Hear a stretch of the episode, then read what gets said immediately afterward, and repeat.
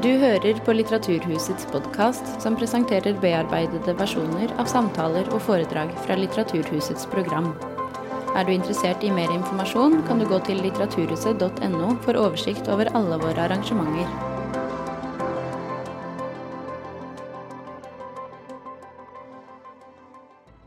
Good evening, everyone. So great to see so many people here, despite the sunny weather. Uh, my name is Åse Lappegoland, and I work with the artistic program here at the House of Literature. Who owns the land and the sea? Earlier this year, this question was front and center in Norwegian media, thanks to Ella Marie Hætta Isaksen and a handful of Sami and environmental youth activists, who together blocked the Department of Energy to protest that the government had done nothing in 500 days since the Supreme Court ruled that the wind park in Fosen violates the human rights of Sami reindeer herders in the area. Sadly, though, this case is far from the only one threatening indigenous land and culture. South African activist Nonhle Mbuthuma has fought a similar fight with her community in Pondoland, where they took the Australian mining company Transworld Energy and Minerals to court and won. For many indigenous activists, the environmental struggle is seen as an integrated part of the fight against extractivism, meaning to extract natural resources for export and sale, and that against colonialism. What can different activists learn from each other in this struggle? And what can all of us do to create a society where nature and indigenous rights are truly valued? Nonhle Mbuthuma is the founder of the organization Amadiba Crisis Committee, which is fighting for land and community in Pondoland on the east coast of South Africa. And Ella Marie Hætta Isaksen is an activist, a musician with her band Isák, and an actress. And to talk to uh, the two of them on stage, we have Silje Ask Lundberg, former president of Friends of the Earth Norway and a senior campaigner for the organization Oil Change International. So please give them all a warm welcome.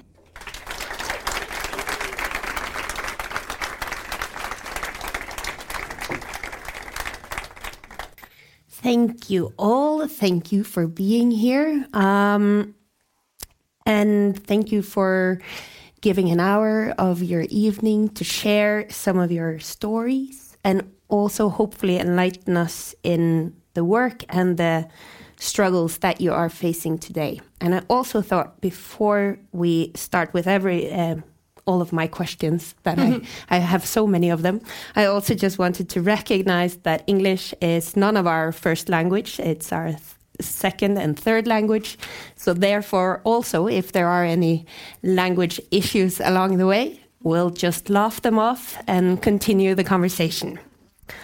Um, but I thought that we could start with you, Nonhle. Um, so in the past, the Pondo people have defended their lands against colonialization, apartheid, and now big industrial scale mining, oil and gas development, so many different industrial projects. And uh, back in 2018, you won a decade long fight to prevent the construction of a titanium mine on your ancestral land uh, when you took the Australian mining company Transworld Energy and Minerals to court and won. And I was wondering if you could um, begin with taking us through some of the challenges that the indigenous Pondo people are facing on the coast of South Africa today. Um, yeah, thank you so much uh, uh, to give me this opportunity, and uh, I really, really appreciate appreciate it. Um, yeah, uh, I'm coming from Pondoland. Pondoland uh, in South Africa is in south of Durban. Uh, Pondoland is one of the hot spots in terms of biodiversity. That is rare. You cannot find the whole South Africa because of the beauty, because of um, the biodiversity, because of the culture, because of the history. It's a very rich area. But um, while we're living that kind of good life, um, the Australian mining, uh, just two years after democracy, early 1996, land in Pondoland. And they said they discovered titanium in our ancestral land, where we're dependent uh, for agriculture for our livelihood. And uh, we just say no to this kind of development. Uh, when we say no, uh, many people, um, because these transnational co- corporations, when they come to the rural communities, because we're known as uh, uneducated and not to understand things, the laws and everything, they always promise jobs. But uh, as we're living there for centuries, and also we coming from the apartheid regime, where also uh, we, we've been being pushed by the colonizers. Uh, when it comes to the land, the land is just here in our heart. Uh, nobody can teach us. We are the professors when it comes to the land. Even if we never go to any uni- universities, but when it comes to land, we know everything about land. That is why we said no uh, to a mining. And uh, when we said no, it was not an easy task. Uh, because they were not expecting um, the community when they offer jobs. But communities, they said, no, we are all working here because we're working in the gardens. Why now you need to bring the mining? Because we know that mining is going to distract or destroy our gardens. And we say, no, thank you.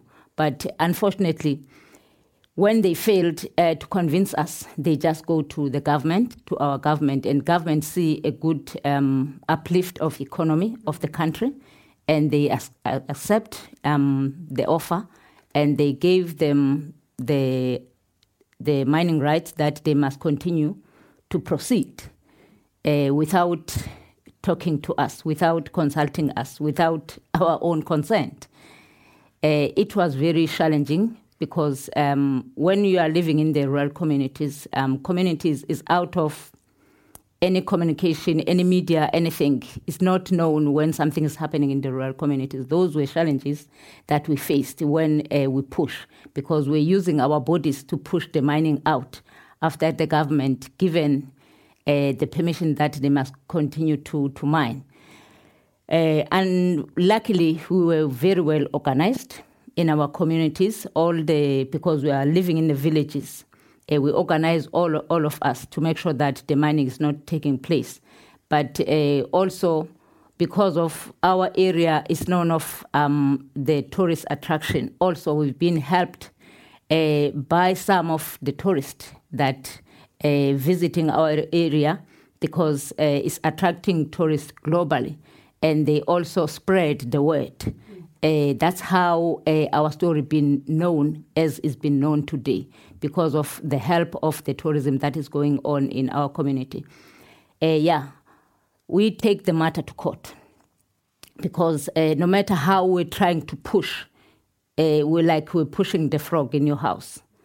You push it out, it comes in. You push it out, it comes in.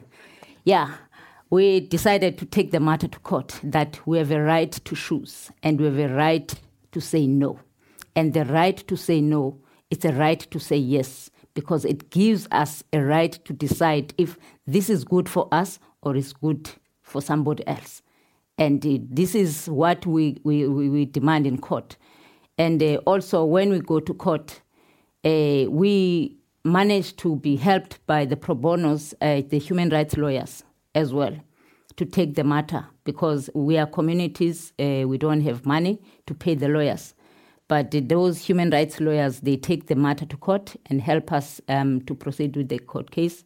And we won in, in, in, in, in, in court, where the judgment was stated very clear that uh, the community of Amadiba, which is my community, uh, must give a full, free, prior informed consent before any mining activities take place, which was uh, the best judgment that was coming from uh, the South African court. And we also, you know, the ministers, uh, the Minister of Minerals and Energy was not happy at all about that decision. Uh, says that if the judgment allows, um, give this kind of judgment, it means that there will be no mining in South Africa because all communities will use the same uh, judgment.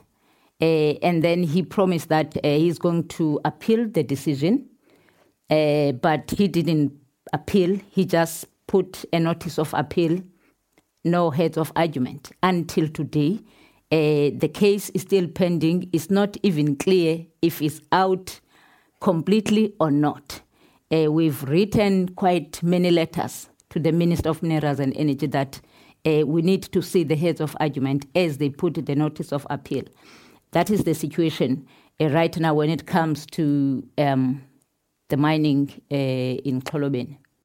But so the appeal is from not from the mining company, but from the government. The government is the ones who are pushing for the mining company to to come into the land.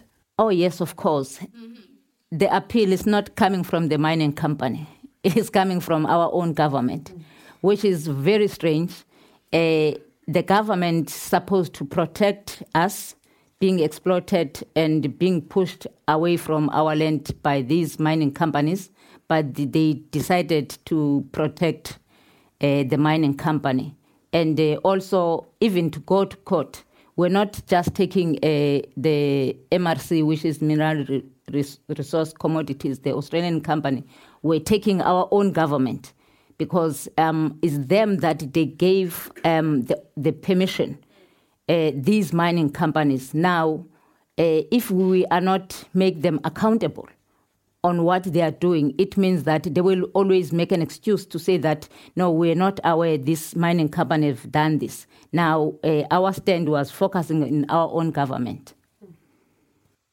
The parallel Ella to Norway is also quite clear when it comes to a mining company um, coming into indigenous lands um, and and thinking that everything because they just promise some jobs then everything will be okay because that is kind of also the same situation in in Finnmark uh, with the Nussir mine close to Repparfjord. Um, and you've been quite instrumental in the fight against that mine that has also been going on for a lot of years and really like Klumen or two years ago had the big demonstrations the entire summer um, and everyone thought that the mine was going to start to build yeah. that summer including the mining company yeah. itself and then you managed to stop it yeah we actually did this was in 2021 so we organized this protest camp, and uh, the mining company Nussir ASA had gotten all the permission it needed to uh, start uh, digging into the land, uh, making this um, fabric, fabric, factory, factory. Already a good start here. Um, so we decided that we were going to use civil disobedience to stop them from even getting to the land um, in the first place. And then we um, protested for 100 days, which is the longest lasting protest uh, in Norwegian history. And uh, I was all the, the, all along really like prepared mentally to lose, to be carried out by police officers and to be put in jail and like like you said after like actually using your own body to stop these machines and then fail. Um, I was really like mentally prepared for that, but then we succeeded, like literally succeeded, because uh, the biggest investor of Nussir ASA, the mining company, Aurubis, uh, pulled out because of the social impact that they could see this mine would have and the environmental impact.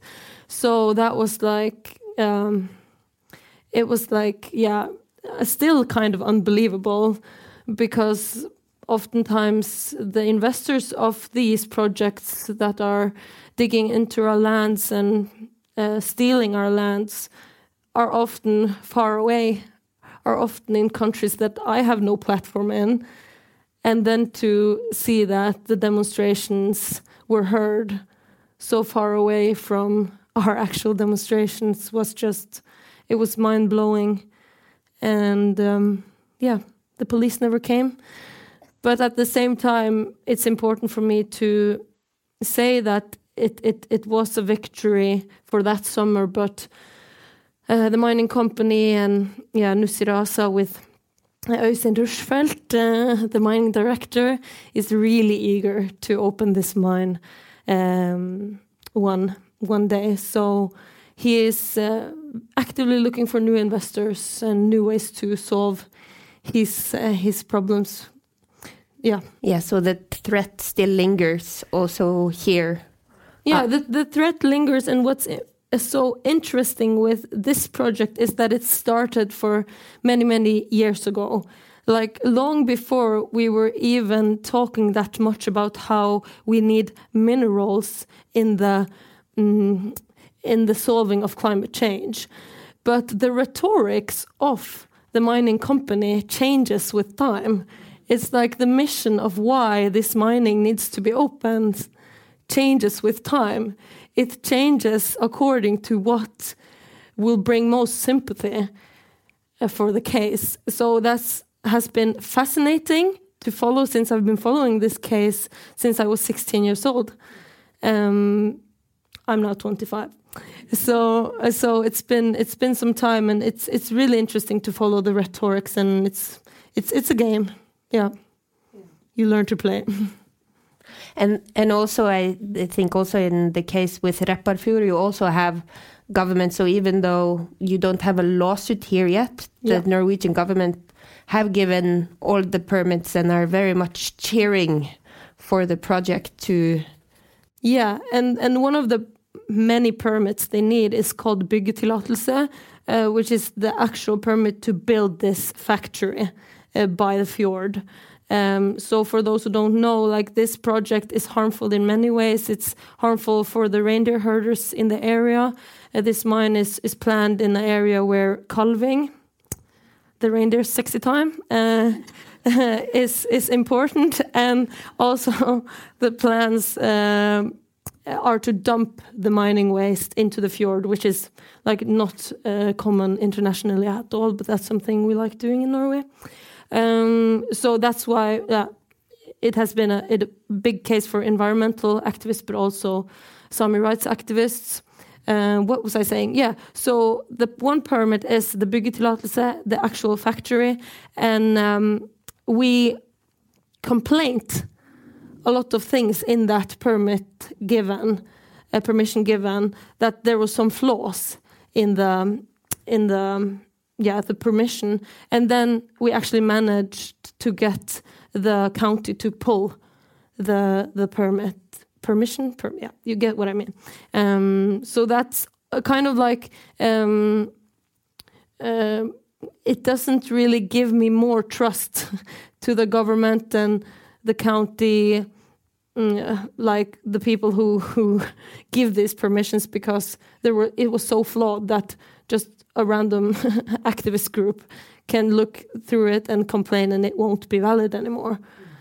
So um, it, it's clear that there's like governmental uh, eagerness to open these mines and to keep industry going.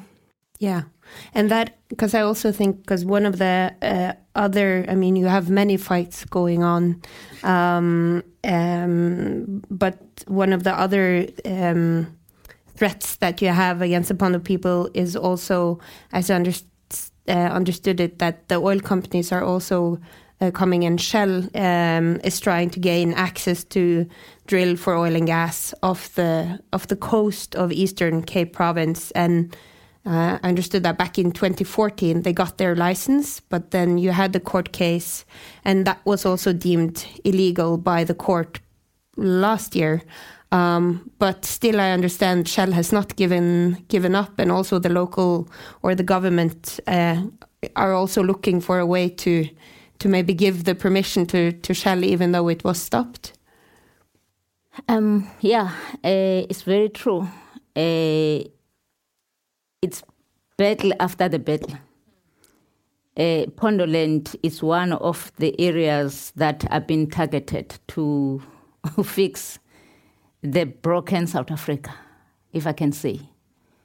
Uh, because Pondoland was one of the areas uh, during the apartheid regime, uh, it was be, being defended. It was not being disturbed. Now, the economic crisis that we are sitting in as a country, Pondoland is the place where they are targeting. That is why um, there was a titanium was being planned to open in Pondoland.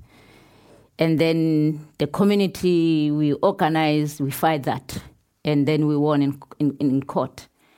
And then while we just thinking everything is going to be back to normal, uh, to plow our field and look after our, our, our, our, our cows. Now, Shell also come in uh, to our ocean. Uh, ocean, uh, it's part of us. Many, many people, they really, especially the investors, they really don't understand uh, the connection between the human being and the ocean. Uh, that is why when Shell come to uh, Pondoland and they discovered oil and gas, uh, where is our our livelihood? Where is our ancestors are residing? Uh, they did not even consider that.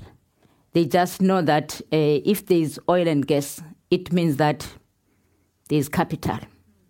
The rest is nothing. And then they just only use one strategy, which was being used during the apartheid regime. Again, consult the monarchies, because in South Africa, uh, mostly uh, there is monarchies. Uh, in my area where I live, we're under monarchies, but they also they consult monarchies and they think it's a done deal. Uh, they just forget one thing that uh, the customary law uh, it's been recognized by the Constitution of South Africa. Uh, it means that when you do consultation, you are doing a meaningful consultation, not just one person. When you consult a monarchy, you consult one person, you excluding, uh, you shutting so many people out. That's what Shell have done together with our own Minister of Minerals and Energy uh, they said everybody's been consulted. And they were already given, again, the permit uh, to Shell to explore, to do the seismic survey, uh, to do the blasting. And we challenge that in court again to say, no, you can't, because we are, we are the part, we are part of the ocean. And if something is going to happen in the ocean, we need to be consulted. And they, they said, We've consulted your monarchies, and your monarchies must consulted you. It doesn't work like that. That's where we corrected our own government because, you know, I always says that we have the best constitution in the world. We have the best. And this constitution, it bothers the leadership of South Africa right now. They hate they wish it doesn't exist because we, we, we, we make them read their own constitution. That you can't just read outside the book. The constitution is very clear that we must consult it. And when we talk about consultation, we're talking about a meaningful consultation where we're going to give a consent as communities. And we won again that case. And this one, it was not an easy one because we were so worried. It's more in the deep sea because all the vessels and everything uh, from Dutch, they were already been put in the ocean. Uh, it was really difficult for us to go swim in the ocean and push them out. Um, but uh, also, again, uh, the argument of, of Shell, they said that uh, it does not make sense if South Africa can lose a lot of money just to defending ghosts. Because for them, when they talk about the ancestors, because they don't understand the cultural spiritualities that is part of the South African constitution, that we have a right to practice that. And they use that uh, as an insult that uh, we protected ghosts, uh, which is an insult in our society. And again, it was not ending there, including the Minister of minerals and energy was being quoted on the media saying that this community of Pondoland is acting like colonialism. We are acting like colonialists uh, because we don't want to see a development in Pondoland. And the question, whose development that they are talking about? Right now, we are facing with the global warming, but they did not consider that. All what they consider is to get money. That is why we go to court to say that no, we don't want uh, our oil to be taken out from the ocean. We need fish from the sea. We need water from the sea. Those are the, the, the things. And our ancestors are residing there. And it's not even a question uh, if how they ended, they ended up there. That's part of our culture and it's part of the constitution. It must be respected. That's what uh, we did. But uh, also, again, when you fight with these transnational corporations, there's quite a lot of um, being pushed and threats uh, that uh, you are a stumbling block, you are blocking development. Uh, I think we highly time to question what is development actually. Thank you. Yeah, thank you. And, and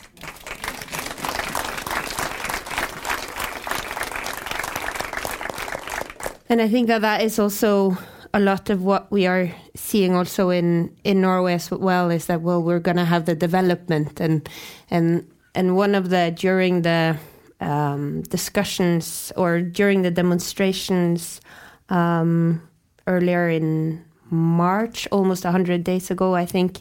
Uh, so that, um, during those demonstrations, uh, that Ella Marie led, and I'm sure you were in very many debates uh, and interviews during that time. But one of the one, the many that I um, remember very well is when you met the the state secretary in the Ministry of Energy and Oil, uh, Elisabeth Sæther.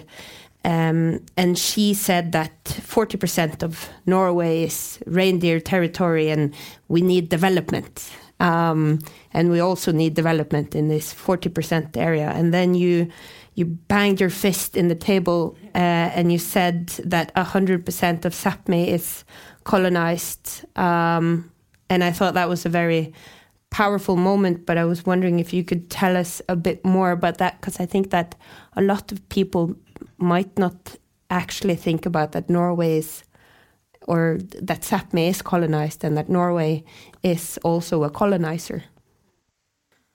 Yes, hundred percent, and and um, it needs to be repeated many times that Norway is a colonizer and that Sapmi is stolen land.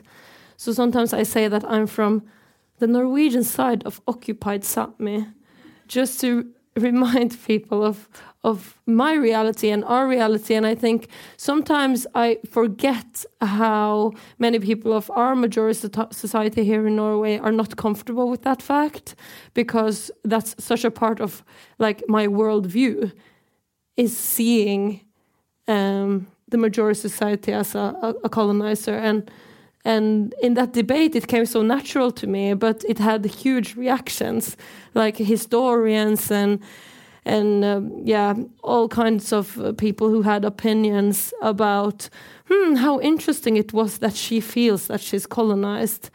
And i was just like how is this even like debatable? It's it's not at all like read the definition of of what colonization is. Um, and we were here before the the borders were drawn, and we were never asked to be a part of that process. And our culture has suffered so many hundred years because of that, and still is suffering because of that. And when government uses arguments like that, that 40% of this stolen land is ours to develop, to decide over. It it provokes something so deep inside me. It because it's so unfair. Because all we had was taken. And they keep taking and they keep taking and we have nothing left to give. and at the same time, those numbers aren't even correct. It's it's a way of of creating an image of of so, me being so powerful, being able to like decide over our own lands when when that is not the case. We don't have rights to decide over 40% of Norway.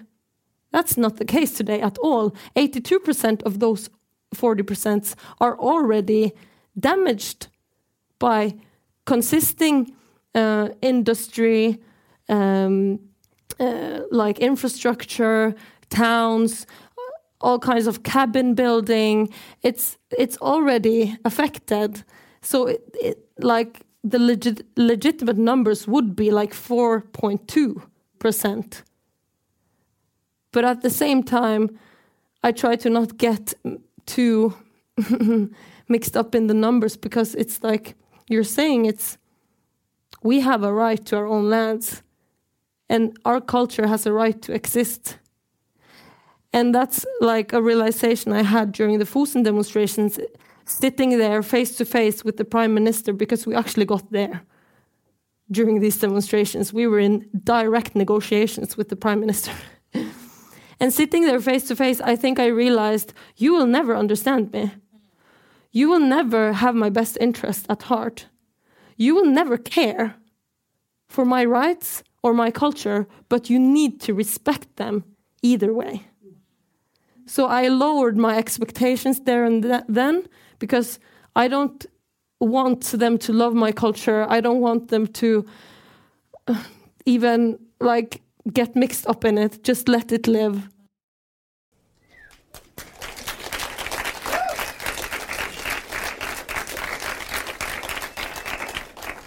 And I think that because that is, uh, I mean, also when we're speaking of court rulings, and you've had several victories of that in Pondoland, but also the the court, the Supreme Court ruling in Norway when it comes to Fosen is a big win. I mean, it, it says that the the the wind power uh, facility is illegal and that it is breaching the human rights of the Fosen Njarke uh, reindeer herding district. But still, it it's so it's also kind of the same as in South Africa when it comes to but so you've had that ruling, but government does nothing. And I mean that was the background for the demonstrations that it had gone 500 days without anything happening to the facility that has been deemed in breach of the human rights.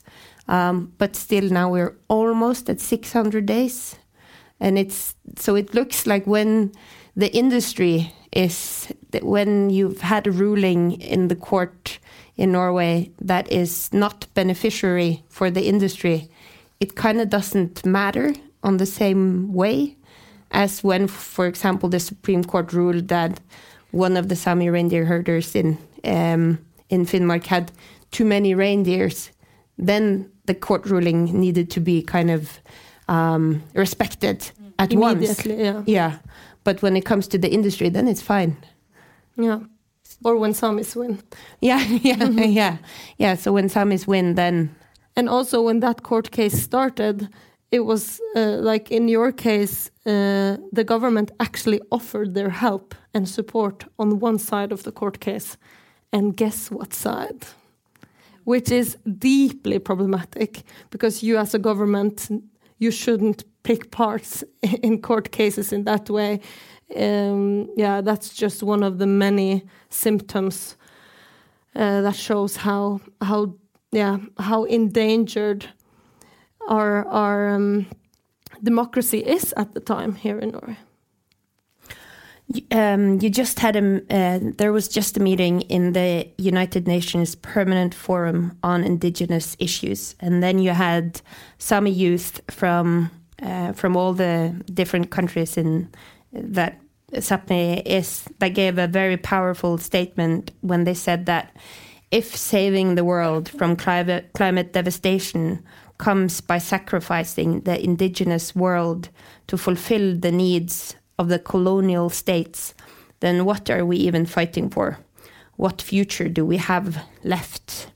And I think that statement is kind of uh, at the heart of uh, of this because often we talk and speak about climate justice, um, but that this is when we are seeing that you have um, kind of um, green colonialism that also the same forum also warned against um, and warned that the West's climate strategy risk the exploitation of indigenous territories, resources, and people.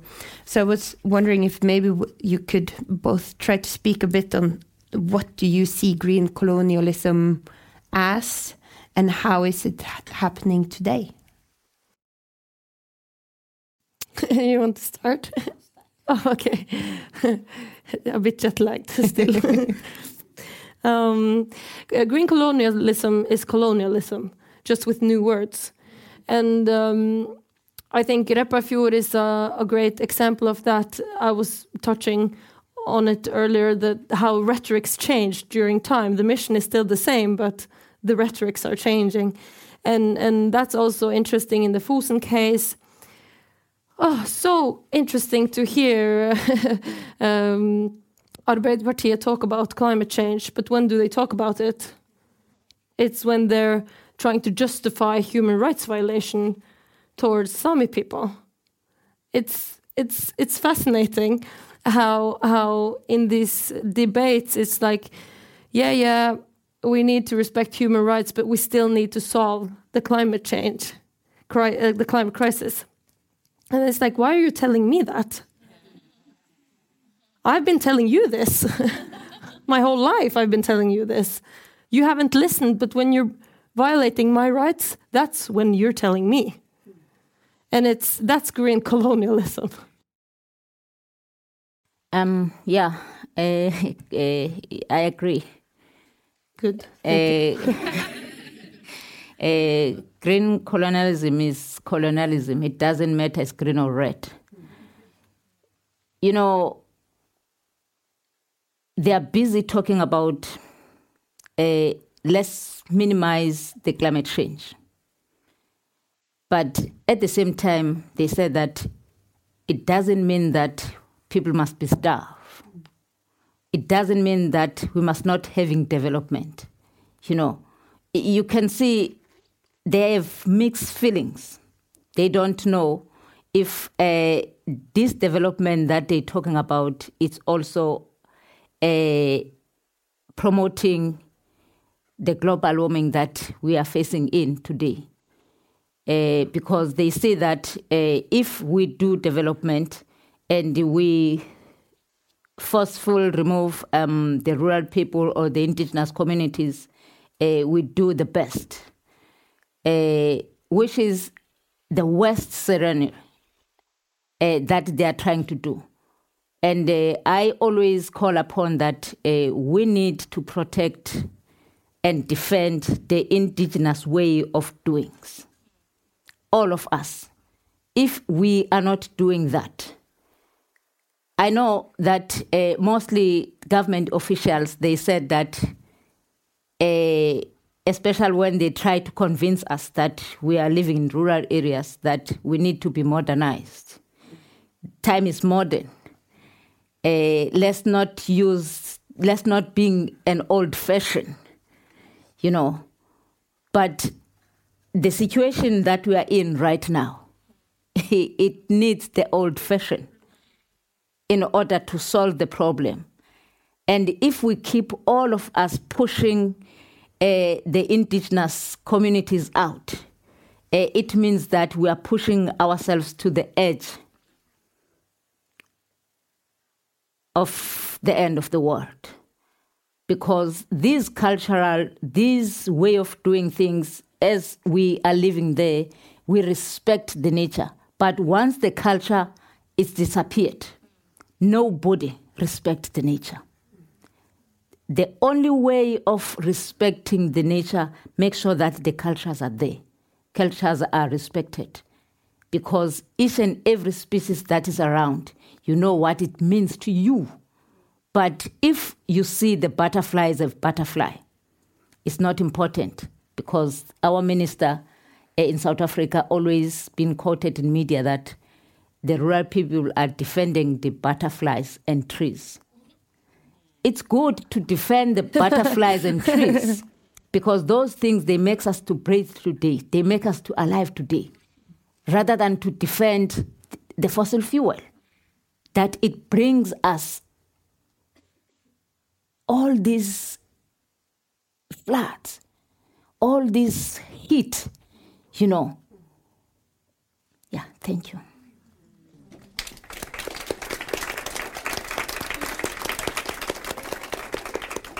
And I also think that we need to, because even though there are many similarities between the fights that you fight, there are also some differences. And of course, one of them uh, being the risks that you face, Nonhle, when you are um, defending the Pondo people's rights to lands and to water.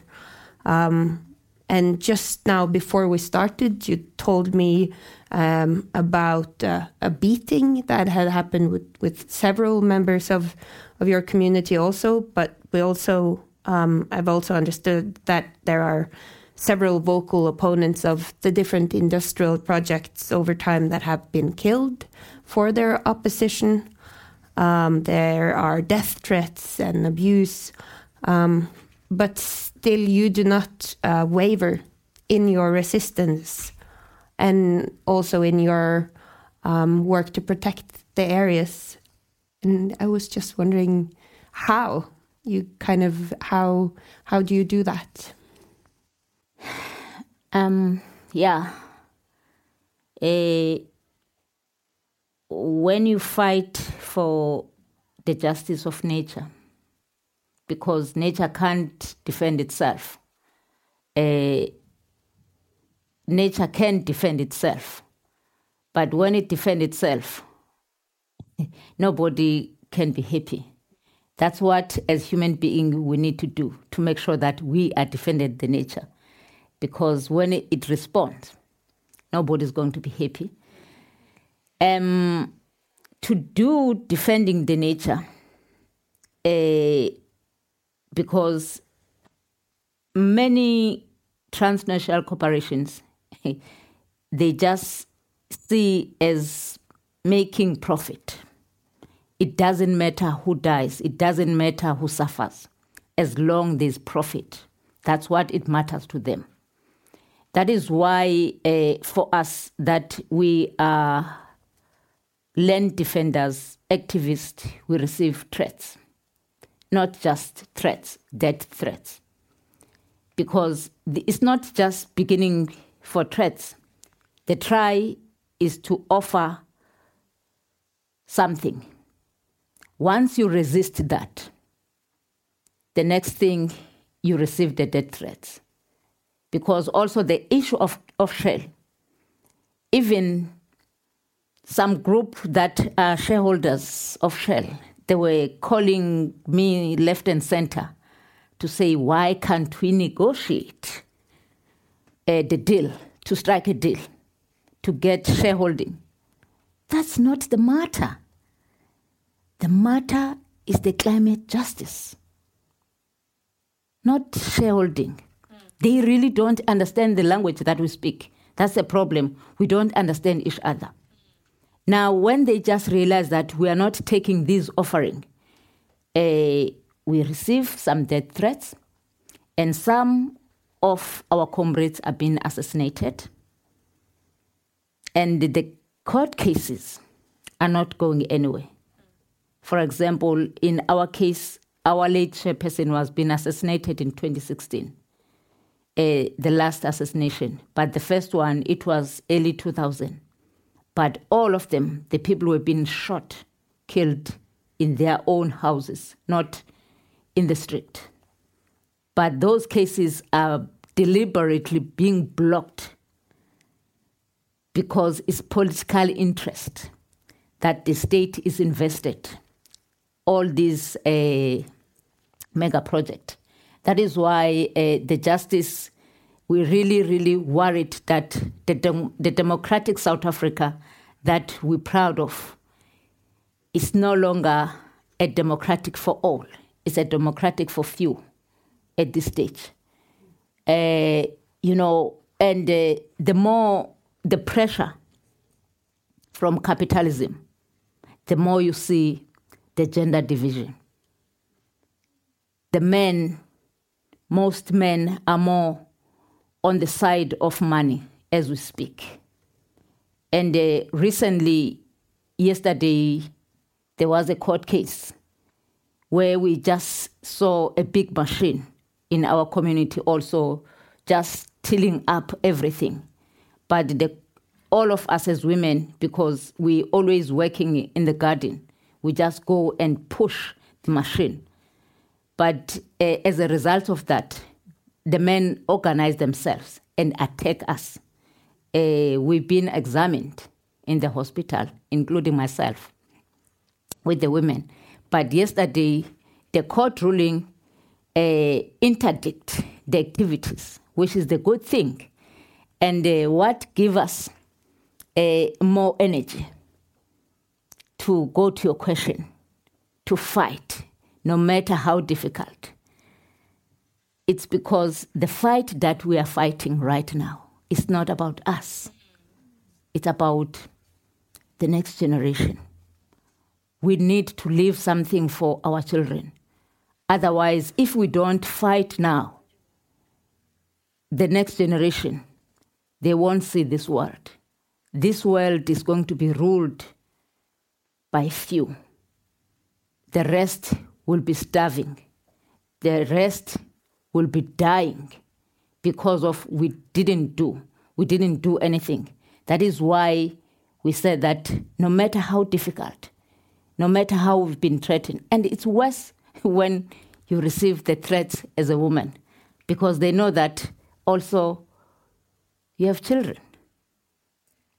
And uh, wherever where you take a fight, your mind is always back to your children because you know that the most valuable thing is your children. And our children right now are not even being protected because we know that they try even to kidnap our own children in order to make sure that we suffer because they, they know that as a woman, if your child is being taken away from you, you go mad. You lost everything.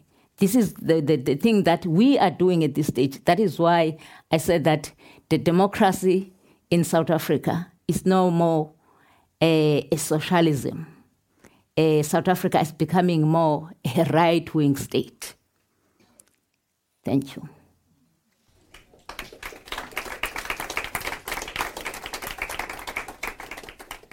Thank you, and I am, uh, and I think we are all um, in awe of the uh, courage that you are um, showing also by continuing the fight. Um, so, um, thank you for that. Um, we are beginning to run out of time, but I think we're gonna end with one um, question that I think you both can provide some good answers to. but that is, we have several reports, both from international UN bodies, but also uh, national uh, reports as well, that says that the use of indigenous knowledge is in both nature preservation and in uh, solving the climate crisis is very important. But how do we actually make sure that the majority society, majoritetssamfunnet, um, includes the knowledge and the wisdom of indigenous peoples in the decision making. What can we do to make the decision makers understand that they need to actually include also the voices of the indigenous peoples? Ella Marie. Great. Um, yeah, I mean it's a it's a challenge because the people who need to choose you and give you the microphone are maybe the people who are lacking this understanding in the first place. So um, after the Fosen demonstrations, even though I have lost a lot of faith in our own government and in our own democracy, I have gained a lot of faith um, in people, in most people. So I am hopeful that um, that most people will listen, will care, will choose to act, and in that way force our states and our governments to act accordingly and and realizing that yeah that if we're going to solve anything and if we're going to solve the climate crisis i think indigenous knowledge needs to be at the center of that solving. Because i really i know we know that it is not random that the areas of the world that are best preserved, where the where the biodiversity is is best pre preserved, is also the same areas where indigenous peoples have protected the lands, and our rights to our lands have in many many and in many court cases been been proof that our claim to our own land is protecting the earth. So I think we all here can use our voice to protect indigenous rights because that is a direct way of of solving climate crisis and solving uh, these issues. So I my my hope now is is, is in people. That's a good hope to have in people. Nonhle. Uh, uh, uh, yeah, I have the same hope. Uh, my hope is people uh, that to solve the climate crisis that we are in right now, people are going to stand up and mobilize themselves. Because if we are not mobilizing ourselves, uh, our own states are driven by the capitalism. Uh, it's going to be very difficult uh, to mitigate the climate change. I agree that also uh, the indigenous knowledge must be in the center of doing the mitigation of the climate change. And I know that uh, it's quite difficult. Uh, even right now in South Africa, we have also a climate commission that was uh, been set up by the president. Uh, you sit there, but when you speak about the indigenous knowledge, it does not ring a bell. Uh, that climate commission is just a commission of uh, we we need to be seen as we are doing something, or although we're doing opposite. Mm. Yeah, that is why I really, really call upon all of us uh, to support and uh, all the strugglers from the indigenous communities because um, that is the hope uh, for the future that all of us that we want to see. Thank you. Thank you, and thank you both, Ologito, and thank you all for coming. I think this is uh, all we had time for. I have many more questions, um, but uh, they will be for another time, maybe. But thank you all for coming.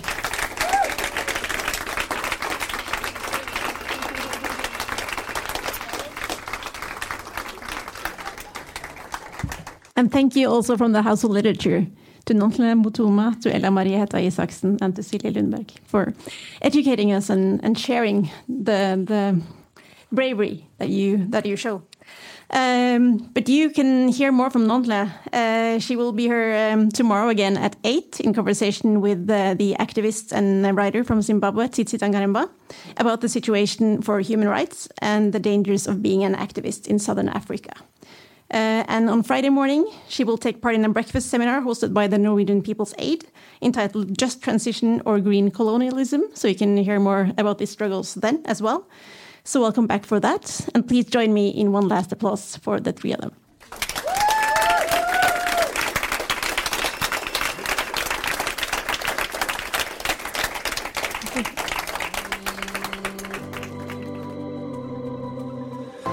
Du har hørt på Litteraturhusets podkast, som presenterer bearbeidede versjoner av samtaler og foredrag fra Litteraturhusets program. Del gjerne podkasten med familie og venner via iTunes eller Soundcloud om du liker det du har hørt.